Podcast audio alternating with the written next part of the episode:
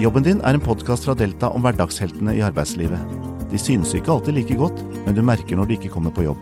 Her vil du treffe alle typer mennesker, oppleve lidenskapen de har for jobben sin, og utfordringene de møter hver eneste dag. Velkommen til en ny episode. Mitt navn er Per Tamberg, og jeg jobber i kommunikasjonsavdelingen i Delta. Denne gangen har jeg med meg en gjest som blir omtalt med så mye respekt av alle jeg snakker med, at jeg egentlig ikke bør sitte, men stå når jeg er i samme rommet som henne. Jeg snakker om Toril Johannessen, som har vært ansatt i Delta-systemet siden 1978. I dag er hun seniorrådgiver i arbeidslivsavdelingen. Velkommen hit, Toril. Tusen takk. Du runder 70 i disse dager, og du har brukt 41 av disse årene til å hjelpe at andre skal ha det best mulig på jobben. Hva er det egentlig som har drevet deg? Det er eh, forholdet til eh, medlemmer og tillitsvalgte. At de skal få det best mulig, og at en organisasjon må hjelpe dem slik at eh, de får de rettigheter de har behov for. Får de ikke det automatisk? Nei, de får ikke det. Det er nok mange som ikke får de rettighetene fordi at man ikke har tariffavtale. Og Derfor så er det viktig at det er noen som hjelper dem å forhandle frem en tariffavtale, slik at de har noe å forholde seg til lokalt. Turnus og vaktlister er et av dine mange spesialområder. Hvordan er det med din egen arbeidstid? Det sies at du tar deg tid, uansett når på døgnet en tillitsvalgt ringer deg, uten å ta hensyn til om det passer deg. Tenker du aldri på deg selv? Jo, jeg gjør nok det, men uh, noen ganger går nok uh, medlemmene og tillitsvalgte litt foran uh, mine egne private interesser. Men det har sammenheng med at jeg syns det er gøy å jobbe for medlemmene, og hvis jeg kan hjelpe dem med noe som de brenner for og ikke får til, så er det klart at det er derfor vi er der når vi jobber i en organisasjon. Men jeg tror kanskje at dette har litt sammenheng med at den gangen jeg begynte å jobbe i Delta, i 78 så hadde vi ikke noe regionkontor. Da hadde vi ansatte fylker. Jeg hadde fire fylker. I tillegg hadde jeg ansvaret for opplæring av tillitsvalgte og utvikling av det. Og da hadde vi masse reisevirksomhet. Vi reiste jo mangfoldige dager og uker i året. Og eh, sånn gjør man jo ikke i dag, for det er regionkontorene som eventuelt skal gjøre det å besøke tillitsvalgte og eventuelt også ha kontakten med medlemmene gjennom de tillitsvalgte. Så jeg tror nok at det ligger noe i bakhodet mitt fra den gangen, at eh, medlemmene er i fokus, og vi sto på og reiste til alle døgnets tider. Men vi må litt tilbake til starten. Du nevnte at du begynte i 1978, da Delta het KFL, Kommunale funksjonærers landsforbund. Hvordan hadde det seg egentlig at du begynte i en fagforening? Det hadde seg slik at uh, på den arbeidsplassen jeg var, den gangen. Det var på en, en, institusjon i Moss kommune hvor det var 160 ansatte, og så var det 96 brukere, altså boliger for psykisk utviklingshemmede. Og eh, der var det kun én fagforening. Og den fagforeningen eh, hadde jeg ikke så veldig lyst til å melde meg inn i, så jeg måtte lete etter noe annet, da. Og eh, fant da KFL etter mye om og men. Og så Generalsekretæren i KFL den gangen, han hadde ansvaret for Oslo. Og denne institusjonen, den tilhørte da Oslo kommune. Og eh, så hadde vi noen saker hos oss som jeg fikk hjelp av han til å gjøre, for etter hvert fikk vi ganske mange medlemmer på denne institusjonen. Så fra å være null til å være 100 ble vi ganske fort, av 160 ansatte. Så det var veldig bra. Men eh, så ringte han til meg og lurte på om jeg kunne sende inn en søknad på denne stillingen som var ledig, som den gang het organisasjonssekretær. Og da var det vel tre-fire eh, saksbehandlere til da, som var organisasjonssekretærer, og så ville de veldig gjerne ha en kvinne. Og jeg søkte, og det var nok eh, Det mannlige styret var nok veldig betenkt på å ansette en kvinne som saksbehandler. Og, men jeg fikk jobben, og jeg eh, sa at jeg tar den jobben kun for ett år, og søker permisjon i min jobb i Moss. Og jeg hadde muligheter for permisjon fra den jobben i eh, seks år, og det hadde jeg. Men deretter fikk jeg bare permisjon fra Oslo kommune, og det var ikke interessant for meg. Så da sa jeg opp den jobben i, i Oslo, eller i Moss kommune, og eh, ble værende i Delta. For jeg trivdes veldig godt, syntes det var kjempegøy. Og vi hadde 8000 medlemmer den gangen jeg begynte, og det har vært morsomt å være med på den lange reisen til 80 eller over 80 000 medlemmer. Du har hjulpet mange forskjellige yrkesgrupper opp gjennom årene. Men slik jeg kjenner deg, så virker det som brann, redning og ambulanse er noe du bokstavelig talt brenner litt ekstra for. Eller som du iallfall har stått på mye for. Er det noe spesielt med disse gruppene? Ja, det er grupper med action, da. Og, det, og jeg er litt sånn person som liker at det er litt action, så sånn sett så passer det vel kanskje for meg. Men øh, når det gjelder ambulanse, så fikk jeg da tildelt den gruppa, for den gangen så hadde vi ganske mange yrkesgrupper i Delta, så vi fikk tildelt yrkesgrupper i tillegg til at vi fikk tildelt fylker. Og eh, jeg fikk ambulanse. Og den gangen så var ambulansetjenesten stort sett eh, privat drevet, og de hadde veldig dårlig tariffavtale. Da måtte jeg begynne å jobbe litt med det, så det første var jo da å prøve å få til en bedre tariffavtale i NHO. Det var ikke alltid så enkelt. Og da var neste skritt hvordan kan man da klare å få denne gruppa over til det offentlige. Så da begynte jeg å jobbe litt med det, og det var veldig, veldig spennende. Da måtte du ha litt kontakt med politikerne osv. Og, så og jeg må jo si at jeg ble litt hengt ut av noen, fordi at jeg da klarte etter hvert å få noen politikere med på lasset, slik at eh, fylkeskommunen den gang skulle overta ambulansetjenestene. Ambulanse har jo hatt en rivende utvikling fra f.eks. å ha dagarbeidstid og hjemmevakt, til nå å bli en helt annen tjeneste, som virkelig utfører eh, mange ting som eh, andre yrkesgrupper gjorde før dem. Og utviklingen har jo blitt slik at til mer de kjører, og til flere oppgaver de gjør, så får de også annen arbeidstidsordning. Og da måtte jeg jo kaste meg inn i det også. Men arbeidstid jobbet jeg også med der hvor jeg jobbet i Moss, da, for å gå litt tilbake til den. Det var der jeg første gang ble kjent med arbeidstidsordning, som var en turnus. Å ha ansvaret for lønns- og personalsaker som jeg hadde den gangen der, så sier sjefssykepleier til meg at arbeidstid det passer inn for deg, for du har ansvaret for lønns- og personalsaker. Da er arbeidstid en del av det. Så da ble det å lage turnusplaner sammen med tillitsvalgte, sene netter osv. Så, videre. så der fikk jeg vel eh, grobunnen til eh, dette med å lage turnusplaner. Ambulanse og, og brann og disse yrkesgruppene her har, fått veldig mye hjelp av deg, men du har også fått hjelp av dem. Eh, for på slutten av 90-tallet var du involvert i en svært dramatisk bilulykke i Hallingdal, hvordan var det plutselig å stå ansikt til ansikt med dem i en slik situasjon som du da befant deg? Ja, jeg var vel mer eller mindre bevisstløs når eh, de fant meg. Eh, det var eh, en veldig stygg ulykke. Jeg brakk nakken, og jeg knuste bekkenet. Så de ambulanseansatte har jo da fortalt meg etterpå hvordan jeg var, og hvordan de behandlet meg. For jeg var visst litt ved bevissthet og hadde fortalt hvor jeg hadde vondt. Men eh, det som er spesielt, da, det var jo at det var ikke tre-fire måneder før denne ulykken, så var jeg i Hallingdal og inngikk 10-12-4-avtale eh, om arbeidstid og en særavtale om arbeidstid for ansatte i ambulansetjenesten i hele Hallingdal med Røde Kors. Så de kjente meg jo veldig godt. Og eh, det gikk jo liksom rykter i hele ambulansetjenesten da, om at oi, hun har blitt skadet og ligger på sykehus. Du trengte selvfølgelig lang tid på å komme deg etter en så dramatisk eh, hendelse. Men savnet der ute blant de tillitsvalgte og andre oppsto jo veldig raskt når du ikke var på jobb. Nåværende YS-leder, Erik Kollerud, fortalte meg om en av de første gangene han hadde med deg å gjøre, og da gikk du fortsatt sykemeldt etter denne ulykken. Erik var da ambulansearbeider og fersk tillitsvalgt ved sykehuset i Drammen, og der manglet de en skikkelig døgnturnus. Naturlig nok så var ikke du med i forhandlingene, men til slutt sto de tillitsvalgte bom fast de kom ikke videre, og de så bare én eneste utvei, de måtte ringe deg.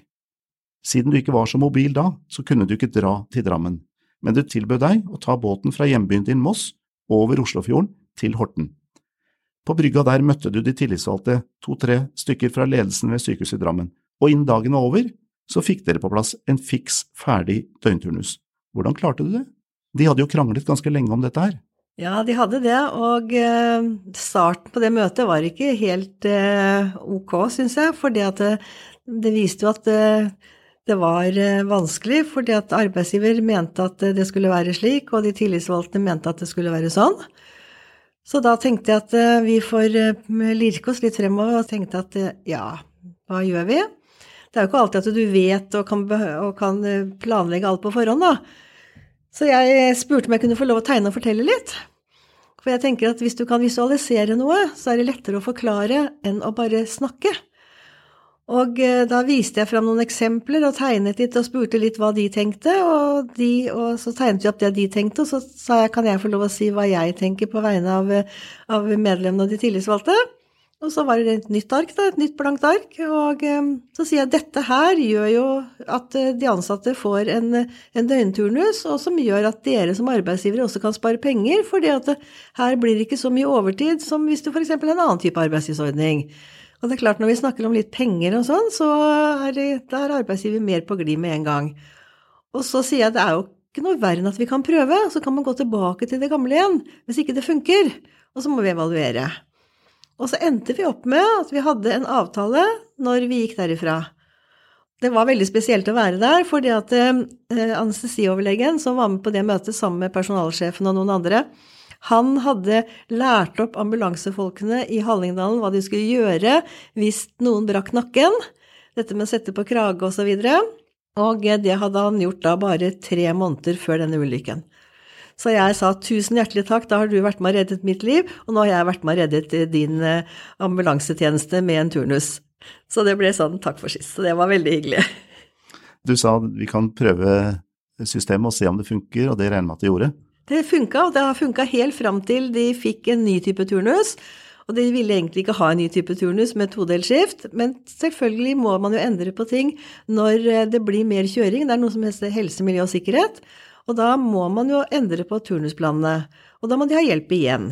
Så turnusplanlegging det er en utvikling i forhold til aktivitet på hva slags type turnusplan du skal ha. Dette at du sier at du tegner og forklarer litt for arbeidsgivere du møter, det får meg til å tenke på et annet uh, tema. For det. Din nåværende sjef, Jan Peter Gronhoff, mener at du har ei verktøykasse som er større enn hos alle andre han kjenner.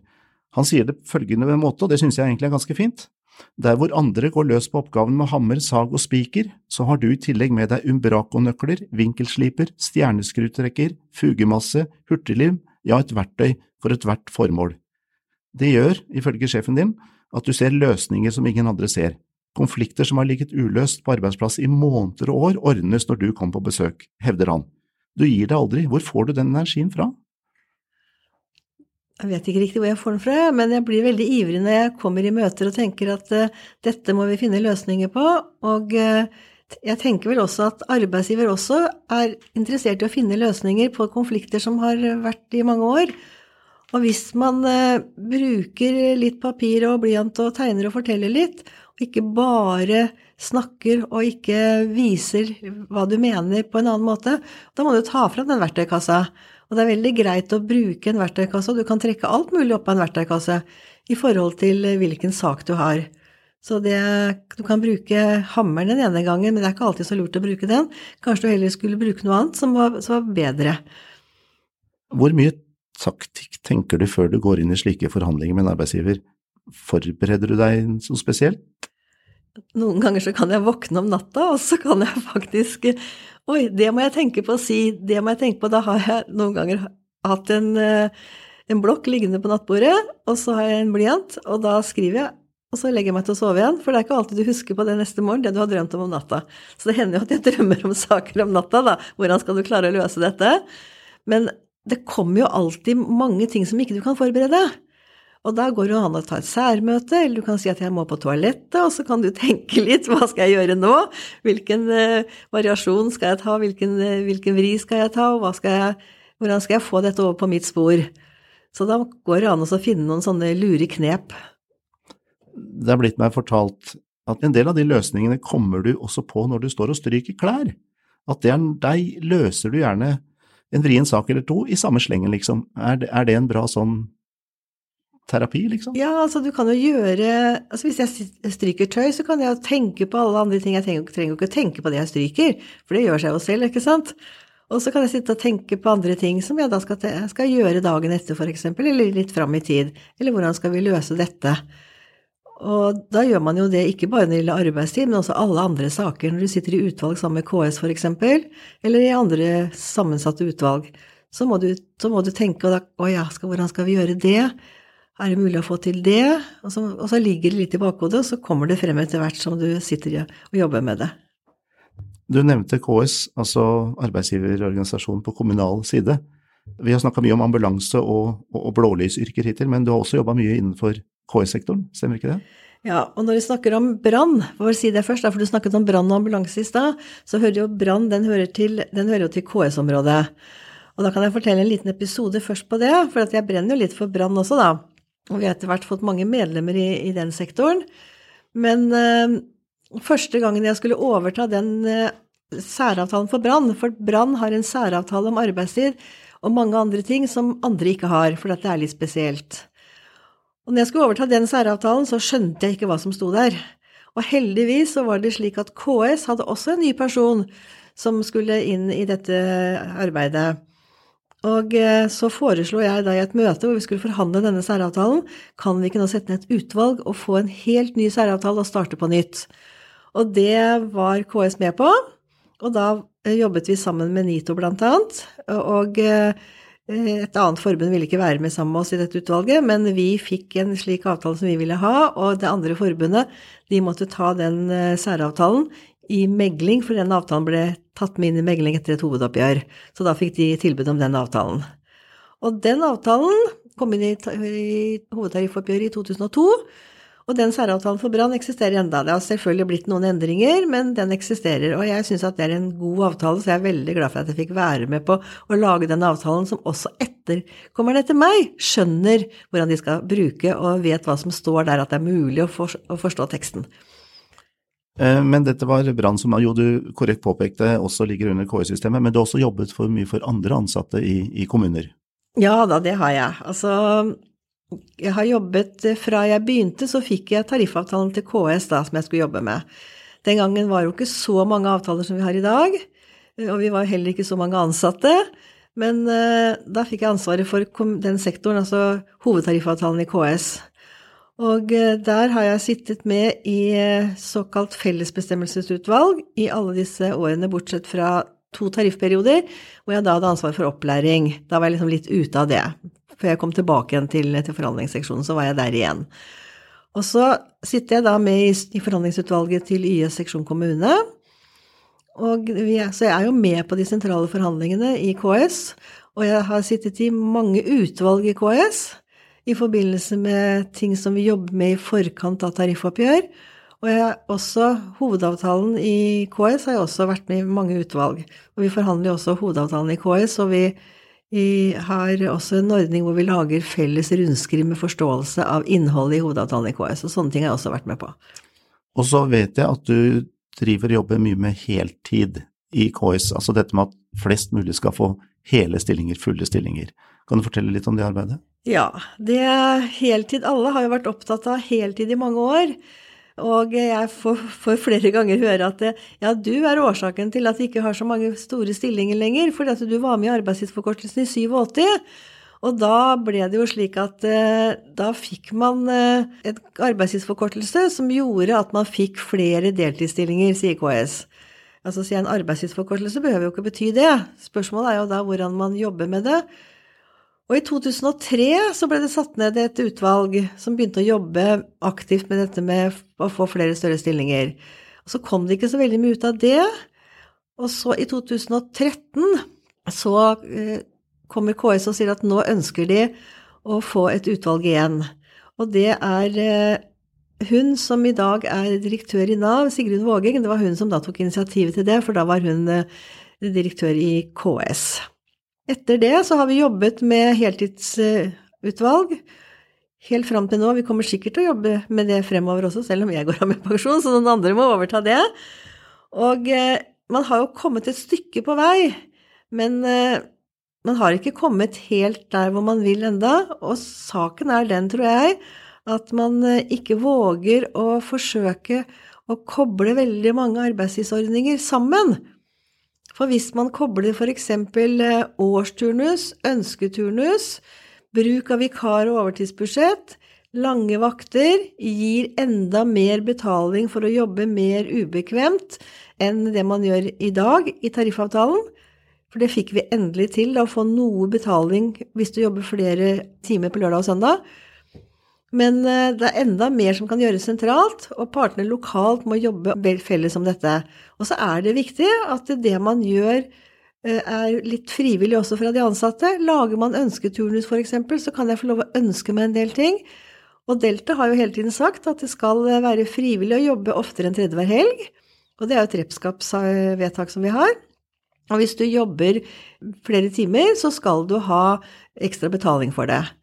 Og vi har også nå forsøkt ut noen steder med litt lange vakter, og ansatte så langt er fornøyd med det, for da jobber de sjeldnere enn tredje hver helg. Så det er altså bare å se muligheten og prøve, og så er det ikke slik at alt går an alle steder. Så da får man se etter hvor passer dette, og hvor passer det ikke, og så får man finne de gode løsningene lokalt. Jeg vet at du ivrer veldig mye for Det er veldig mye lover, avtaler, som ligger i, i, i bånn her, men du ivrer litt ekstra for arbeidsmiljøloven. Nye tillitsvalgte de har ikke snakket med deg lenge første gang før du antagelig nevner at de bør sette seg godt inn i den. Arbeidsmiljøloven kom jo i 1977, altså året før du begynte, og den vi har i dag vel, er vel fra 2006, hvor det skjedde en del eh, forandringer. Hvor viktig er egentlig arbeidsmiljøloven i dine øyne? Arbeidsmiljøloven er kjempeviktig for de ansatte. Dagens regjering har jo ønsket å endre på den slik at tillitsvalgte ikke skulle være involvert, f.eks. når det gjelder godkjennelse og underskrift på turnusplaner. Hvis vi får den siste krampetrekningen fra dagens regjering, eh, som da sier at nå skal ikke tillitsvalgte heller gjøre det, så kan arbeidsgiver styre arbeidstiden akkurat som de vil. Og det, da tror jeg vi er langt tilbake til eh, krigsårene, altså hvor arbeidsgiver skulle bestemme eh, det meste når det gjelder arbeidstid. Det er viktig at tillitsvalgte kjenner loven og bruker den, og, og uh, forteller arbeidsgiver på en, uh, en, god måte at denne loven må vi ta hensyn til, og vi må bruke den slik det er verdt for alle parter, sånn som vi mener at den kan brukes i vår kommune eller i vårt helseforetak. Det tror jeg er, er viktig.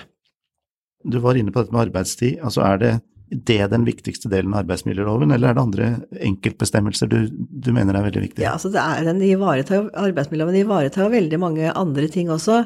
Ansettelsesordninger f.eks. Og, eh, og annet som, som gjelder arbeidslivet sånn generelt. Men eh, arbeidsmiljøloven ligger jo i bånn, og så har man jo en tariffavtale på toppen av den, da, som regulerer en del av de tingene som loven ikke ivaretar. Ja, så har du jo sykelønnsordningene, men da har du en annen lov som ivaretar det, mens tariffavtalen har bedre bestemmelser enn en den avtalen igjen. Så her bygger man jo klosser på klosser, eller stein på stein. Men jeg har lyst til å si én ting når det, gjelder, når det gjelder Spekter. Spekter er jo en helt annen arbeidsgiverorganisasjon enn KS. Det vil si, KS begynner vel egentlig å ta litt etter den måten Spekter er, da, for Spekter minner litt om NHO i væremåte osv. på enkelte områder. Sånn vi bestemmer, og vi vil gjerne bestemme. Ja, når eh, sykehusene gikk over fra fylkeskommunen og inn eh, til altså regioner, så skulle vi ha en ny tariffavtale, da. Og den tariffavtalen skulle settes sammen da av staten, Oslo kommune og KS. Og det var en ganske stor jobb å, å få alt dette på plass. Men eh, vi klarte det, og eh, Spekter er ikke så helt fornøyd med alt det som står der, så de vil veldig gjerne forsøke å få endringer på den gjennom eh, forhandlinger. Men det sier vi at vi vil jo helst ikke det, da, så vi, vi står på vårt. Og Spekter, for de som ikke fikk med seg helt hvem Spekter er, så er det altså arbeidsgiverforeningen til blant annet Helseforetakene. Du har gitt veldig mye jobben din lagt ned masse tid, men jeg regner med at du har fått en del tilbake også? Ja, det har jeg. Jeg har fått veldig mange tilbakemeldinger for de tingene jeg har jobbet med, og for resultatene, og jeg har fått veldig mange eh, hva skal jeg si, gode venner, eller godt vennskap med, gjennom de tillitsvalgte. Og jeg har tillitsvalgte som ringer til meg enda, og det syns jeg er veldig hyggelig, selv om de egentlig skal forholde seg til regionkontoret. Fordi at jobben med de tillitsvalgte og medlemmene har gitt meg veldig mye. Og eh, når du får fornøyde medlemmer og fornøyde tillitsvalgte, så føler du at du har gjort en god jobb. Og eh, da er det veldig gøy å jobbe i en fagforening. Men i løpet av alle disse årene du har holdt på, har du sett noen endring blant arbeidstakere i Norge? Er vi blitt mer kravstore, eller godtar vi mer nå enn før, kanskje? Skjer det noe? Altså, det er færre og færre som organiserer seg. Og det tror jeg er eh, en liten utfordring for fagforeningene. Hva skal man tilby, og på hvilken måte skal man tilby noe til eh, de ansatte? Og jeg tror at eh, ansatte ikke tenker over hva fagforeningen har gjort opp gjennom årene. Fordi at hadde man ikke hatt fagforeningen, så hadde man ikke hatt de gode avtalene. Og det er jo ikke alle som er like flinke til å forhandle for seg selv. Hvis man skal forhandle for seg selv, så må man jo kunne litt om i hvert fall arbeidsmiljøloven, og man må kunne litt om andre avtaler, og hva står det i de andre avtalene, og hva er jeg opptatt av som, eh, som ansatt. Men så sier arbeidsgiver etter hvert når de forhandler at nei, men vi har jo en tariffavtale, vi. Og den tariffavtalen, den får du også forholde deg til, innholdet i den. Du kan ikke forhandle noe bedre ordninger enn det. Og, så, og arbeidsgiver praktiserer jo også å bruke tariffavtalen for de andre, da. Men eh, det som er en utfordring når det gjelder KS, det er jo at eh, de som er uorganisert, de kan også være med på de lokale forhandlingene. Og de lokale forhandlingene og potten på det er jo organisasjonene som forhandler, og så får de ta del av noe som de ikke har vært med og betalt noen ting for. Og det er litt urettferdig. Men, men du, du, var inne på det at, at, det er færre som, som, organiserer seg i dag. Hva vil du si til unge som skal ut i arbeidslivet i dag, og som kanskje knapt vet hva en fagforening er? Jeg vil si at det er kjempeviktig å være organisert, fordi at man får ikke bare hjelp til lønns- og arbeidsvilkår. Du kan jo komme opp i den situasjonen hvor du kanskje blir sagt opp, og hvor viktig det er. Eh, vi har en sønn som eh, er 40 eh, år, og han har jobbet i noen år. Og jeg sa til han at du må organisere deg. Ja, selvfølgelig skal jeg det, sier han, for jeg har jo vokst opp med en mor som har jobbet med det i alle år. Men jeg skal, uh, og når jeg skal begynne å jobbe, så skal jeg i hvert fall ikke ha en jobb som jeg skal uh, jobbe med turnus, for det har jeg sett litt for mye av. Men kan du melde deg inn i Delta, da, sa jeg når du nå begynner å jobbe. Nei, jeg kan nok ikke det, sa han, for nå er jeg ingeniør, så da tror jeg jeg må melde meg inn i NITO. Og han meldte seg inn i NITO, og på hans arbeidsplass, hvor det var ganske mange ansatte, var det faktisk ingen som var organisert. Så han fikk jo litt sving på det, og ble verneombud og litt sånn ganske fort. Og har eh, nå fått med seg veldig mange, og fått de har fått en tillitsvalgt på arbeidsplassen. Han vil ikke være det lenger. Eh, så bra. Altså, gjennom alle disse årene så har du en imponerende arkiv av saker flere tiår tilbake. Der holder du veldig god orden. Men det påstås at det ikke er få av dine kolleger opp igjennom som for eksempel har hjulpet deg å lete etter nøklene dine, lommeboka di osv., som du har glemt eller forlagt et eller annet sted. Er du litt rotete på slike ting? Ja, jeg er nok det. Og eh, nå som jeg snart skal slutte, så har jeg faktisk for to dager siden klart å miste nøkkelkortet mitt igjen. Så finner, de finner nok telefonen min litt her og litt der, og nøkkelkortet mitt og, og andre nøkler, så jeg, jeg, er litt vimsete når det gjelder akkurat de tingene der. Men så det, tenker jeg ja ja, det kommer nok til rette, tenker jeg. Og det gjør jo det, da. Og i den store sammenhengen så betyr det jo veldig lite. Det gjør det. Helt riktig. Det betyr ikke mye. Selv om det kanskje ikke høres slik ut, så har du jo faktisk litt fritid også, og da er du og mannen din ofte på sommerhuset ved Læsø utenfor Fredrikshavn i Danmark. Jeg pleier å sitte høyre Uh, unnskyld, til venstre for uh, Fredrikshavn. Når du ser det fra Norge, da, da, ser alle for seg den øya. Og jeg må snakke om en historie. Det er en, en eh, tillitsvalgt ambulansearbeid som heter Håvard Bolme, som den gang han tok kontakt med deg første gang, tror jeg var i 2006 eller rundt omkring da, var medlem i en annen fagforening. Han hadde en vrien sak og fortalte at det var 10–15 ambulansearbeidere som vurderte å melde seg inn i Delta dersom du kunne komme på et møte oppe hos dem i Isfjorden i Møre og Romsdal dagen etterpå. Da var du akkurat kommet til Læsø, til sommerhuset, men skal ifølge historien ha gitt klar beskjed til mannen din, Erik, vi må snu, vi skal til Møre og Romsdal. Og det gjorde han, eller? Ja da, han gjorde det. Når, når Håvard ringte til meg, så um, sier han at uh, han hadde fått navnet mitt av en annen person. For jeg spurte hvor han hadde kommet frem til meg, da. Og så sier han at uh, men du må komme med en gang. Og så sier jeg, da må jeg snakke med mannen min, så snur jeg meg rundt til mannen min og så sier jeg, jeg må på et møte i Møre og Romsdal, eh, vil du være med? Men vi har akkurat kommet hit. Ja, men jeg må dit. Ja, vel, greit, jeg blir med. Og det var jo sånn cirka, og så sier Håvard at du må være der i morgen, for da begynner møtet. Og det er jo da ca. 65 mil, da, fra, fra Gøteborg og, og dit. Og vi satte oss eh, i bilen og fikk tatt første fergen fra Leso over til Fredrikshavn, og neste ferge over fra Fredrikshavn til Gøteborg, og kjørte oppover. Og kom da til denne arbeidsplassen hvor eh, en arbeidsgiver hadde lagt inn anbud på ambulansetjenesten, bl.a. i Møre og Romsdal. Og da hadde de fått hovedtyngden av ambulansestasjonene der. Og de hadde da en tariffavtale som ikke var veldig god. Og så var det en annen arbeidsgiver som også hadde fått deler av dette, dette anbudet.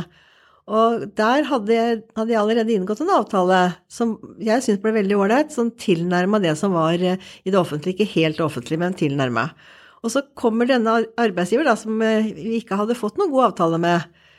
Han sier, for da var det NHO-avtalen, han sier det at eh, avtalen er slik og slik, og den er så og så god, og så reiser jeg meg opp og så sier jeg at beklager, men er ikke sånn, du feilinformerer. Så jeg tror at vi må fortelle hvordan avtalen er, og hva som er innholdet i avtalen.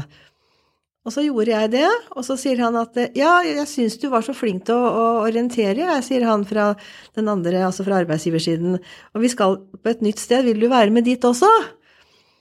Nei, så sier jeg, jeg vet ikke om jeg kan det, og så, så går jeg ut til mannen min og så sier jeg, jeg tror vi må reise litt lenger, eh, vi kan ikke reise hjem nå, vi må være her litt til. Så da ble vi et døgn til, da. Så vi overnattet på en campinghytte den ene natta, og så overnattet vi på et rom over en garasje den andre natten, fordi at det var jo, det var jo ferietid, dette.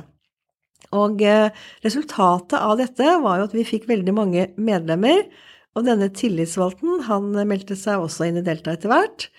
Og eh, han fikk i oppdrag å forhandle med denne arbeidsgiveren, som da hadde sagt han hadde så god avtale, og den eh, forhandlingen den gikk da på en lokal avtale i tillegg til den sentrale NHO-avtalen. Og han forhandlet da bare via telefon og på e-post. Det var ikke mulig fikk, å møte arbeidsgiver, han fikk ikke lov til det. Og han hadde kontakt med meg hele tiden på telefon, nesten for hver setning han skulle si. Og eh, Erik Kollerud, som den gangen var Deltas eh, annen nestleder kanskje han var da, i hvert fall var i en av de tre i troikaen. Han eh, fikk oppgaven å snakke med arbeidsgiver, for hver gang arbeidsgiver ville ringe til meg for å si et eller annet eller stille noe spørsmål om noe, så sa jeg det har jeg ikke noe med, det må du snakke med Erik Kollerud om. Så sånn klarte vi da å få til en god avtale som betød at de ansatte da fikk det vi mente de skulle, og etter hvert så fant jo da eh, fylkeskommunen ut at da kunne jo like gjerne overta dette selv istedenfor å ha det privat, for det kostet jo akkurat det samme. Så da fikk vi noen fornøyde både tillitsvalgte og medlemmer der oppe? Ja, da fikk vi det. Vi har vært litt inne på det, men du begynte altså å jobbe i en fagforening for mer enn 40 år siden. Nå skriver vi snart år 2020. Tror du det vil være behov for fagforeninger de neste 40 årene også? Ja da, det vil alltid være behov for fagforeninger. Og fagforeningene tror jeg vel kanskje må se litt på hva skal vi tilby, og hvordan skal vi tilby det. Kanskje man må tilby litt andre ting enn det man gjør, eller tilleggsting som man ikke har i dag.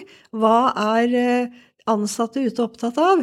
Man er opptatt av lønns- og arbeidsvilkår, og så må man kanskje også fortelle i litt større bokstaver hva man jobber med for de ansatte, og formidle det på en eh, klar og enkel måte.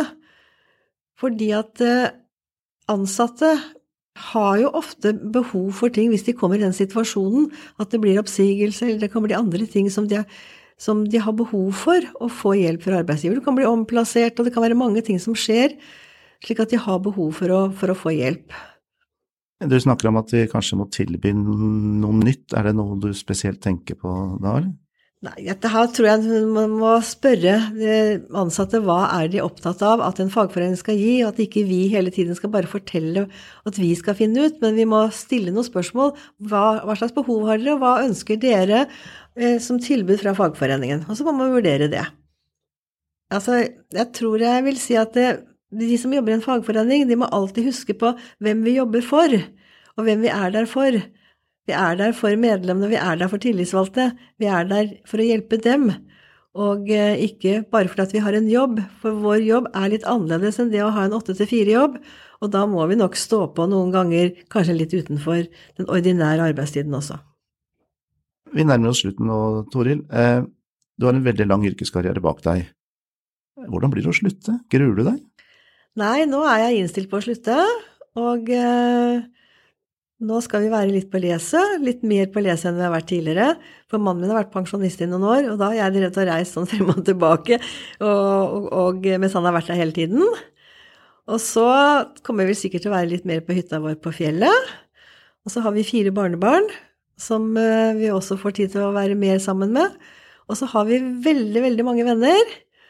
Og når jeg begynte å jobbe i Delta i 78, så sa daværende generalsekretær Husk én ting, Toril, i denne jobben her blir du veldig alene hvis du ikke sørger for å opprettholde kontakten med venner og bekjente den dagen du skal gå med pensjon.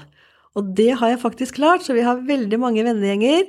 Og på Leset så har vi faktisk, er vi nå ti eh, familier som eh, har eh, kjøpt hus der nede som vi tok med oss første gangen til Lesø i 86 på seiltur. Altså vi gikk alle i vår båt, men i hver vår båt.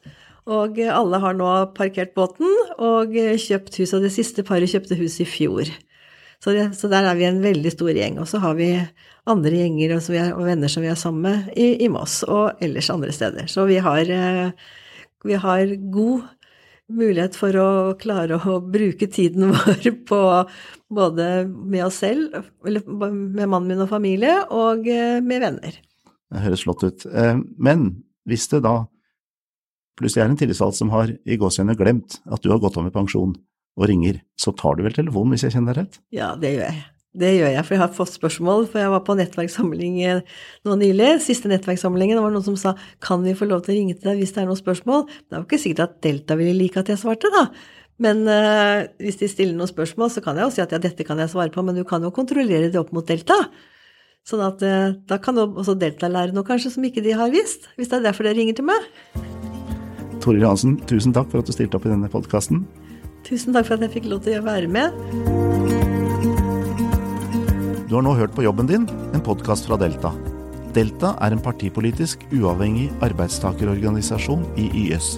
Husk at det er viktig å være organisert. Du finner oss på delta.no.